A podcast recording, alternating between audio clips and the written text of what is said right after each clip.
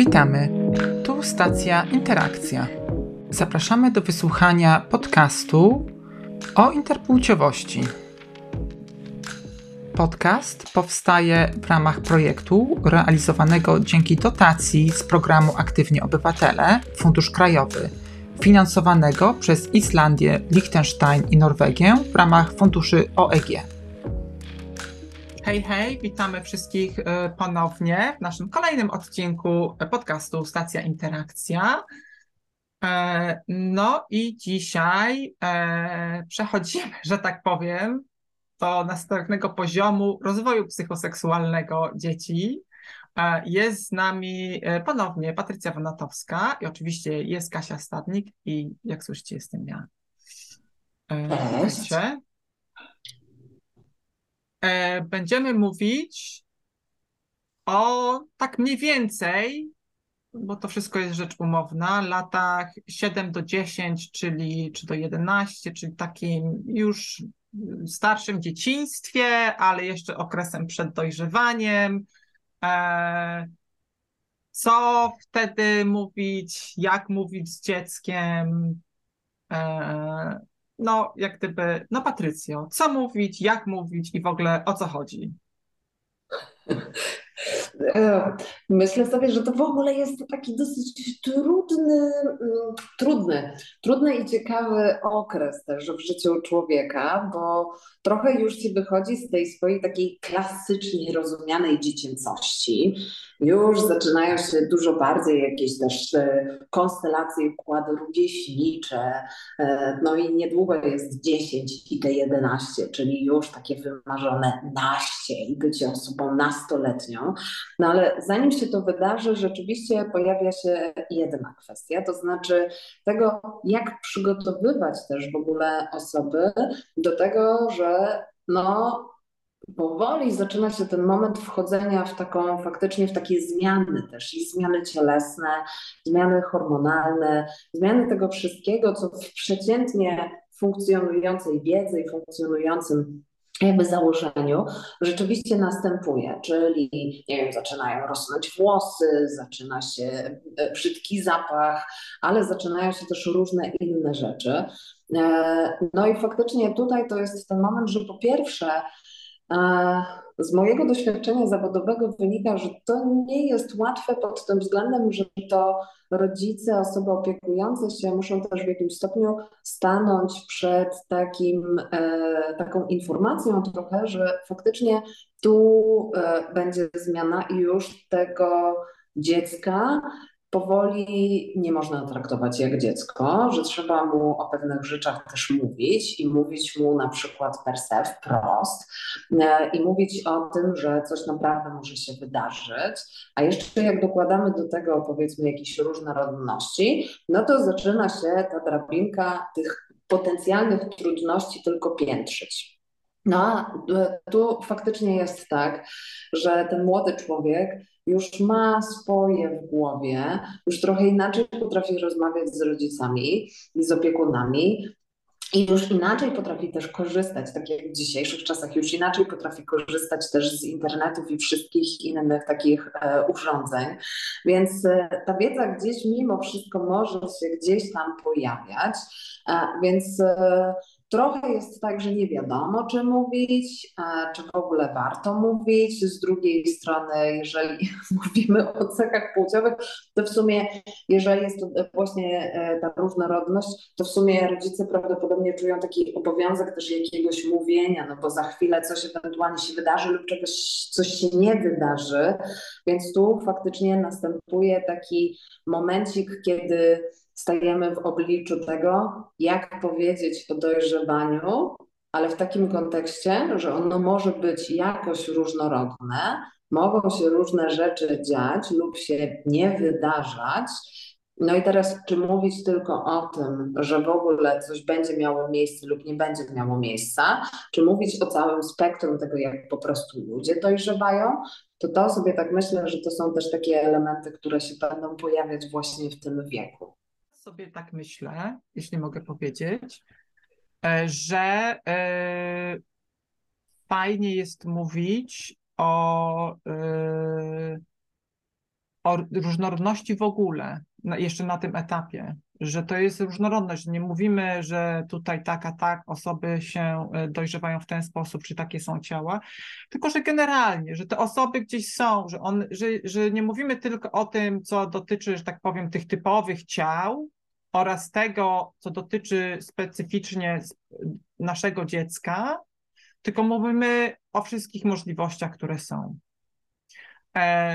Y, żeby nie było tak, że ta specyficzność będzie wyglądała w ten sposób, że, że są te dwa mm, standardy, które są większością jednak, a, a ja tu jestem taki jeden jedynaczek, czy jedynaczka i jakoś mi z tym dziwnie. E, wydaje mi się, że poruszyłaś bardzo fajny temat, który mi się tutaj wyświetlił, czyli e, temat tego, co się nie wydarzy, że coś będzie inaczej niż byśmy mogli zakładać przy typowym rozwoju. I e, w związku z tym e, wiemy, że e, jak gdyby może pojawić się możliwość, czy wręcz presja na to, żeby podjąć jakieś działania medyczne związane z na przykład terapią hormonalną i tak dalej, i tak dalej. No i teraz, jak gdyby też pojawia się taki temat, wydaje mi się, jak przygotowywać dziecko do tego, żeby już za parę lat, bo wydaje mi się, że już trzeba przygotowywać to dziecko, a nie tam w wieku 12 lat mu powiedzieć, to teraz musisz podjąć taką decyzję. Tylko przygotowywać to dziecko do tego, że będzie podejmować jakieś decyzje, żeby mogło podejmować je autonomicznie. E, trzeba to już wprowadzać teraz Pytanie jest, jak to robić? Więc nie wiem, pytanie do, do, do Was obu. Więc y, mnie od razu pojawia się y, przy tej naszej rozmowie na temat y, mm, jak rozmawiać, jak przygotowywać dziecko, taki temat, że mm, tak jak mówiłyśmy w poprzednich odcinkach, że ta podróż zaczyna się już wcześniej. E, jeśli mamy dobry grunt, dobre fundamenty, to ona po prostu, e, ta budowa, podróż, budowa będzie łatwiejsza. E, I rozmowy z młodymi ludźmi mogą się już w tej chwili zaczynać na temat y, budowy ciał, y, rozwoju psychoseksualnego, ale cały czas wplatanie tej różnorodności i to, co Magda powiedziałaś, że, że to, to mam takie wrażenie, że to się może przejawiać, słuchajcie, na różny, w, w, różnych y, aspektach naszego życia, nie tylko budowy ciała, ale w ogóle tego, jak ludzie tworzą związki, jak, mm, no nie wiem, w ogóle różnorodnie wygląda ich całe życie, nie tylko ich ciała, czy, czy jakieś aspekty, tylko w ogóle życie, że jest takie strasznie różnorodne, to bardzo może ułatwić te rozmowy, bo ten człowiek wtedy ma taką otwartą głowę, nie? I łatwiej jest mu po prostu się znaleźć w tej, tej całej przestrzeni. A powiedzcie mi, czy się mylę, czy to nie jest tak, że często dzieci są dosyć otwarte na różnorodność i tak dalej, i akceptujące, nie oceniają jej negatywnie tych różnic, po prostu patrzą, o, ta osoba na przykład porusza się inaczej. Ale jak gdyby to właśnie nasze, jako opiekunów, rodziców i tak dalej, nasze, że tak powiem, obciążenia narzucają pewne oceny i negatywne spojrzenie na rzeczy. Mm, czy tak jest? No i wracam do tej, jak budować poczucie autonomii dziecka i możliwości stawiania granic.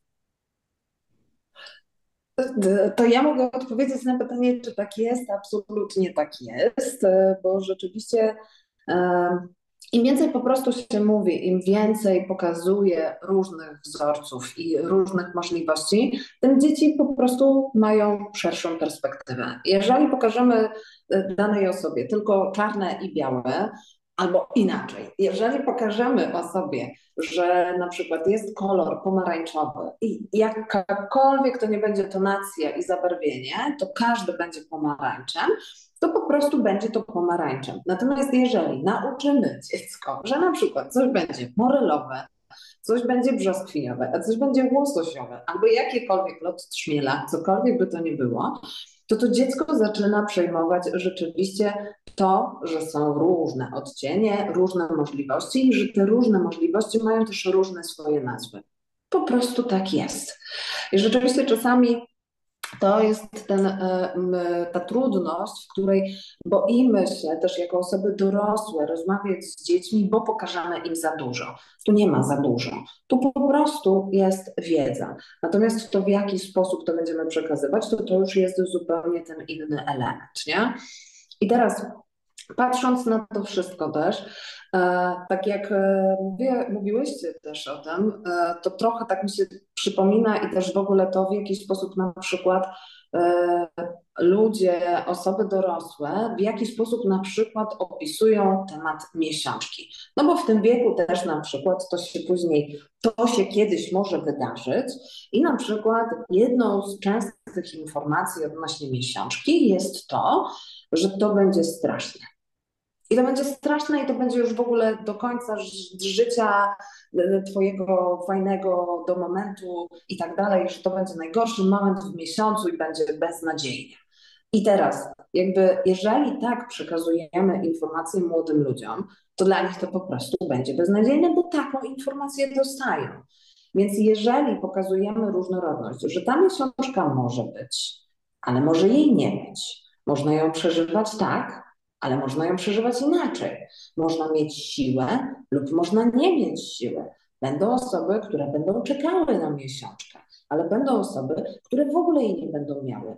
A są też osoby, które są na przykład po 50-60 roku życia, które też już jej nie mają.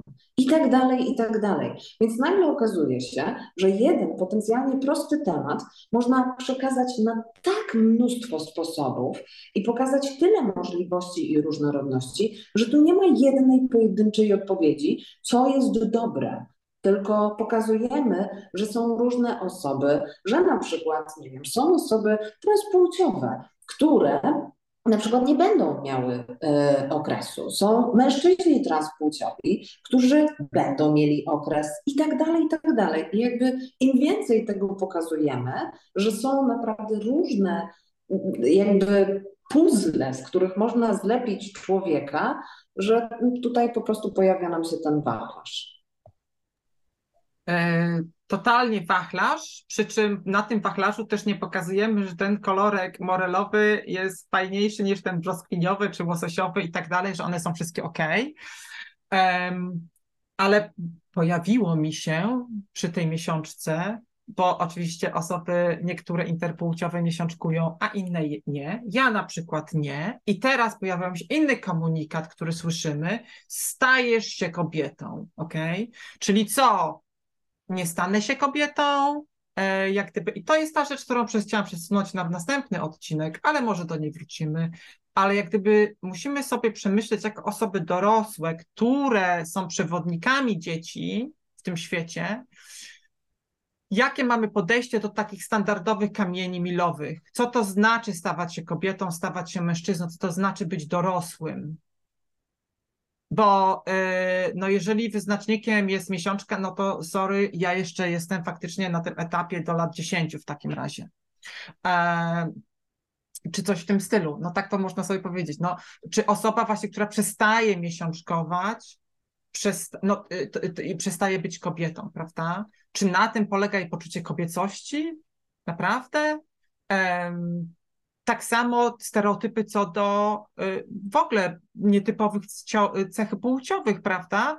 Czy y, mężczyzna bez jednego jądra na przykład jest mniej męski, czy mężczyzna z oboma jądrami, ale bez penisa jest mniej męski, czy osoba, która w związku z tym straci penisa po wypadku przestaje być mężczyzną, o rany, rany, y, prawda? Mamy swoje przesądy, i trzeba się z nimi zmierzyć, wydaje mi się, żeby móc mieć właśnie podejście do tego, że tak nie do końca jest. Okay? My możemy mieć swoje osobiste preferencje, e, czy związane z naszą seksualnością, czy nie, ale nie narzucajmy tego koniecznie e, dziecku, tym bardziej, że dziecko jest różnorodne.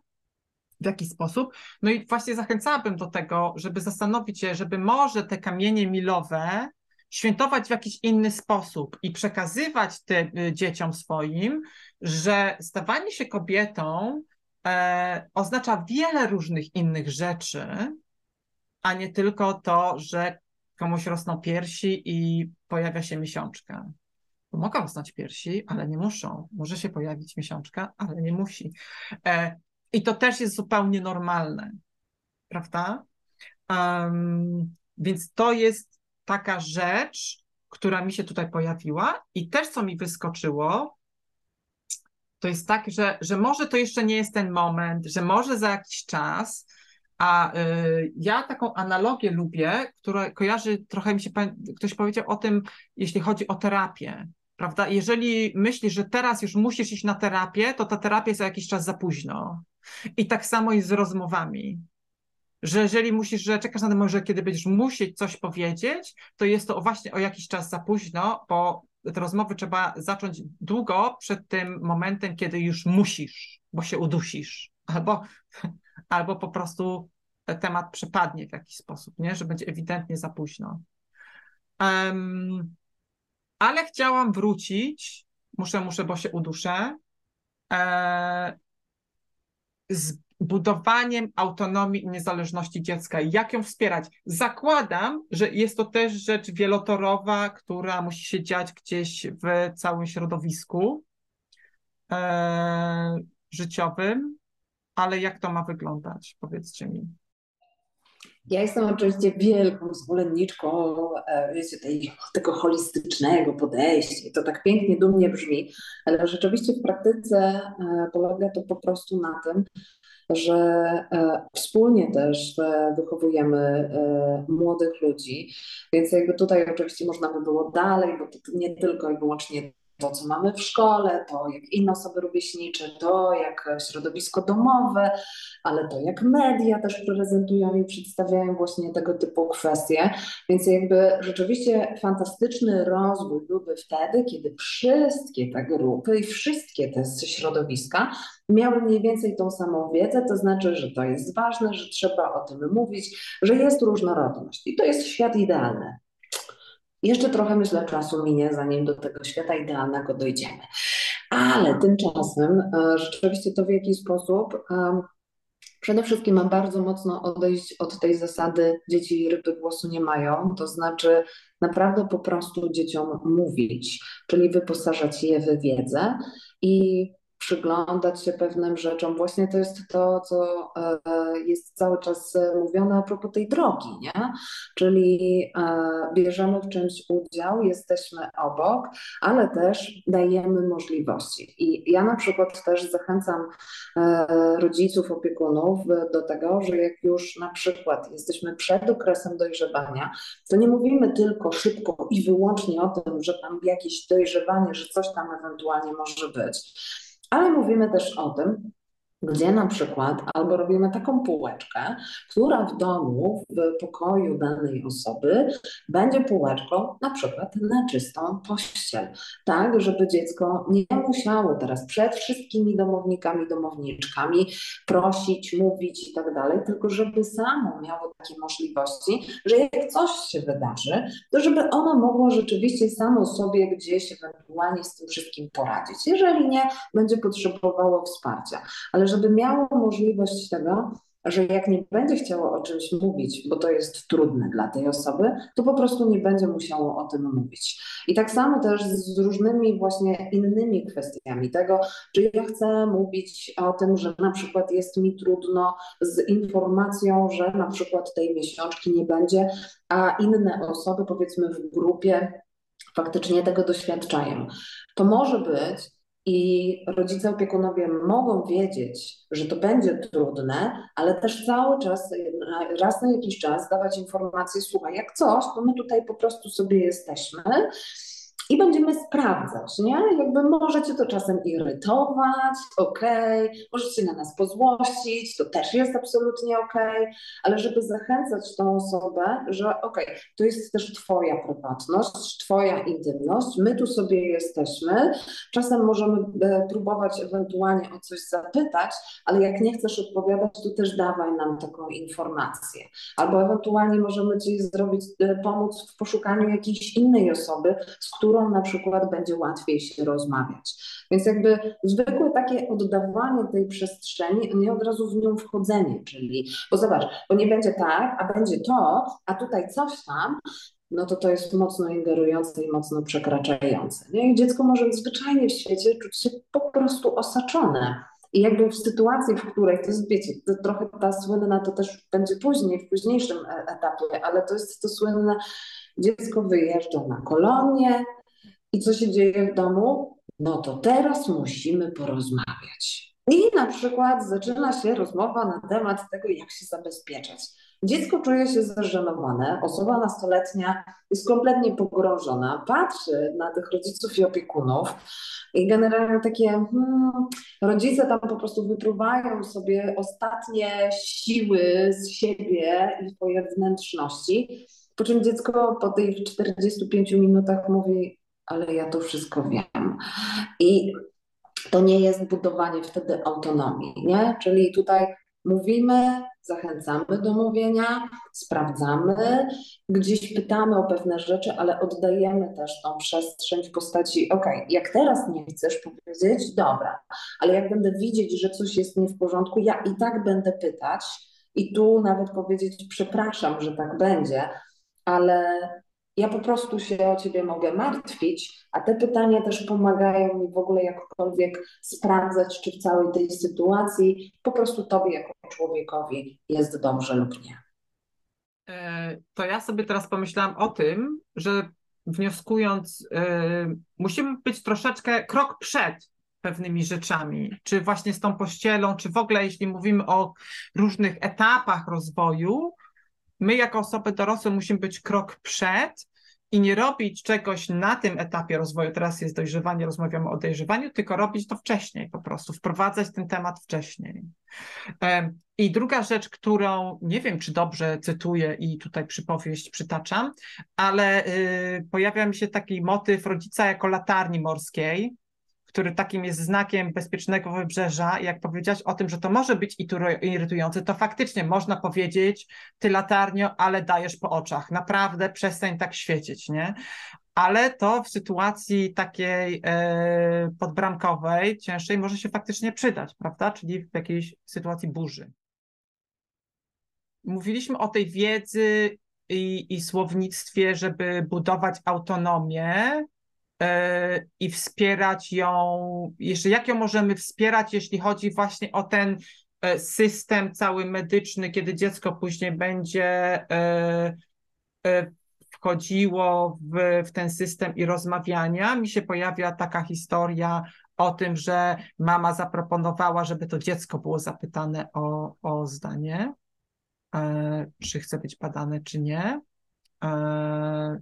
ale nie wiem, czy mamy inne pomysły jeszcze na ten temat. No więc y, ja jako y, mama dwóch nastolatek to y, mam takie doświadczenie, że w ogóle um, uczenie dzieci tego, że mają swoje prawa, swoją przestrzeń, swoje potrzeby i że to wszystko jest ok. Oczywiście jako rodzic, opiekun obserwowania, czy to są wszystko bezpieczne rzeczy, tak? No bo, bo, bo ja jako rodzic mam obawy, czy wszystkie pomysły moich córek są dla nich bezpieczne. I uważam, że to jest ok, obserwowanie z boku i takie mm, niekontrol... Tak, wiecie, tak, taka obserwacja, czy, czy to wszystko idzie w dobrym kierunku i czy moje dziecko jest bezpieczne, ale dawanie im tej przestrzeni, podejmowania decyzji i mówienia też im o tym i uczenia ich tego, że mają swoje prawa, jako młode osoby.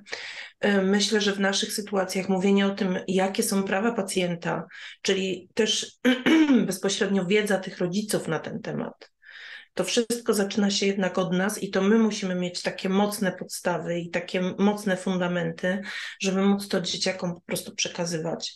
I ta wiedza, którą przekażemy i te y, możliwości y, też otwierają je na pewne rzeczy i y, dają im sygnał, że na przykład, że to może nie jest to, co ja chcę, żeby w tej chwili było robione i że ja mogę i że to jest w porządku powiedzieć nie, nie zgadzam się na to.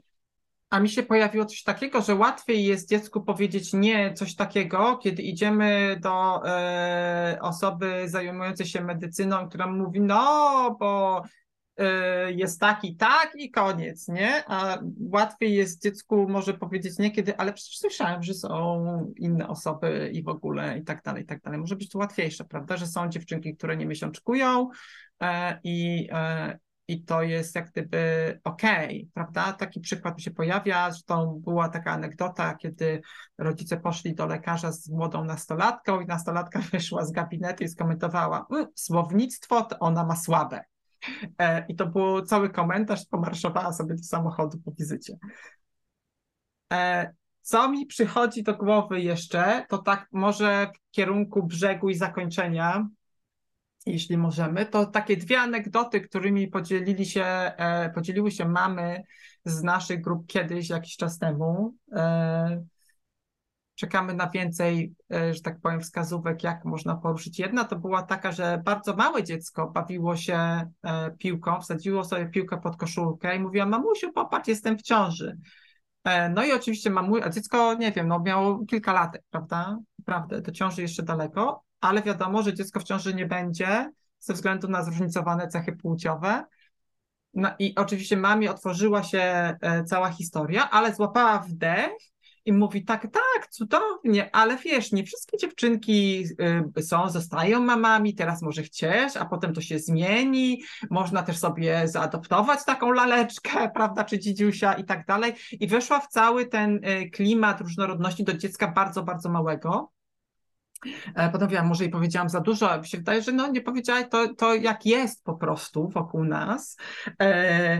I druga rzecz, która się pojawiła, to było pytanie e, trochę starszej córki, że było, była reklama jakichś środków higienicznych w telewizorze, kiedy sobie coś oglądały i e, było słowo menstruacja chyba i dziecko się zapytało, mamo, a co to jest menstruacja? No mama oczywiście tutaj rachciach, cały wykład, nie? Menstruacja to inaczej miesiączka, tralalala, że to się dzieje tak, ale nie wszystkie dziewczynki miesiączkują i to jest okej okay, i jest różnorodność i tak dalej, i tak dalej, tak dalej i w całym w cały ten temat więc tutaj jak gdyby mistrzostwo uważam, wykorzystywania tych właśnie codziennych sytuacji i w ogóle takiej sytuacji, kiedy dziecko jest samo zainteresowane tematem, prawda, a nie e, no to my teraz sobie usiądziemy, ty na przykład może być zmęczona po długiej jakichś tam klasówkach w szkole czy czymkolwiek innym, e, albo wręcz przeciwnie, masz leniwą niedzielę, a tu po prostu rachciach siadamy wykładzik jakiś.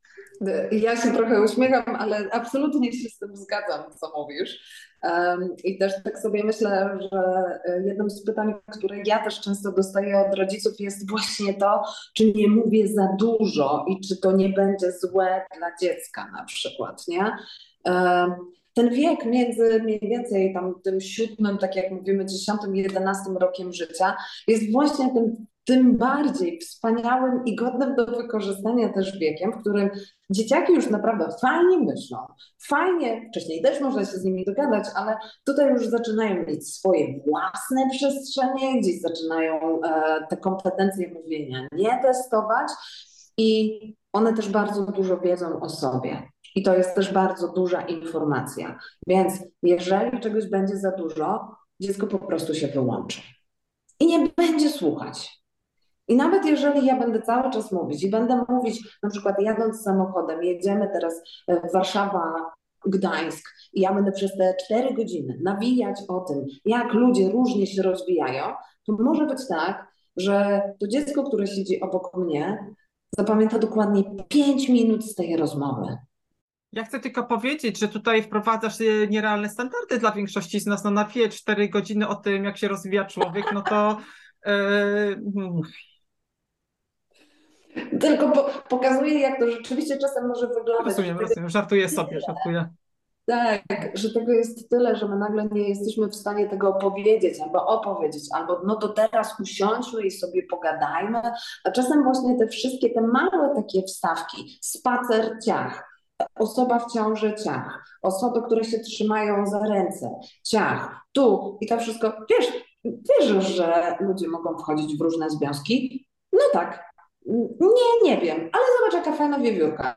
Dziecko już daje komunikat, że na ten moment to nie jest jakby temat, który jakoś bardzo mocno siedzi mu w głowie, ale tam już ziarenko zostało zasiane, więc wykorzystywanie takich sytuacji to jest naprawdę robienie pięknego gruntu. Więc bez względu na to, co będziecie myśleć o tym, że coś jest za dużo, nie. Jeżeli po prostu przekazujecie wiedzę, to tam nie ma momentu, w którym będzie za dużo.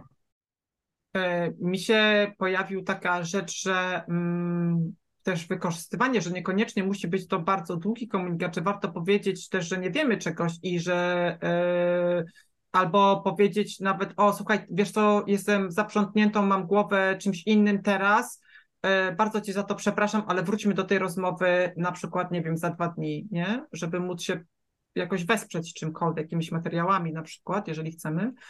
Yy, ale też taka no, ale też taka normalizacja na zasadzie, o, nie wiem, związek taki czy taki, czy osoba taka czy taka, e, no i co z tego?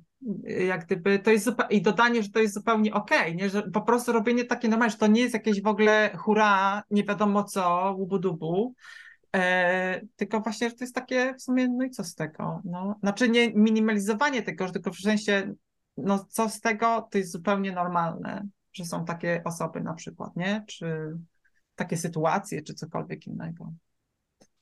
No dobrze. Chyba y, zbliżamy się do brzegu. Dobiłyśmy do jakiegoś brzegu. Nie wiemy, gdzie jest ten brzeg, ale y, będziemy z niego odbijać następnym razem, wchodząc, no chyba już w okres dojrzewania następnym razem, y, co będzie ciekawe. E, z całą pewnością, bo takie momenty są ciekawe. Ale za dzisiaj dziękujemy Wam wszystkim bardzo mocno. E, żegnamy się i do usłyszenia następnym razem. Do zobaczenia, do usłyszenia. I do usłyszenia.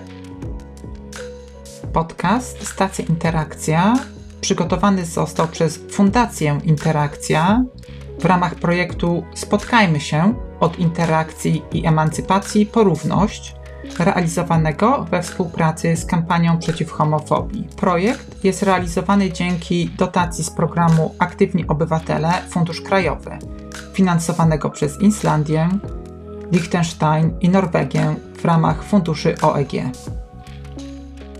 Wszystkich serdecznie zapraszamy do odwiedzenia naszej strony www.interakcja.org.pl gdzie można znaleźć dodatkowe informacje na temat interpłciowości i zróżnicowanych cech płciowych, wiele broszur y, i filmów, które mamy nadzieję będą pomocne.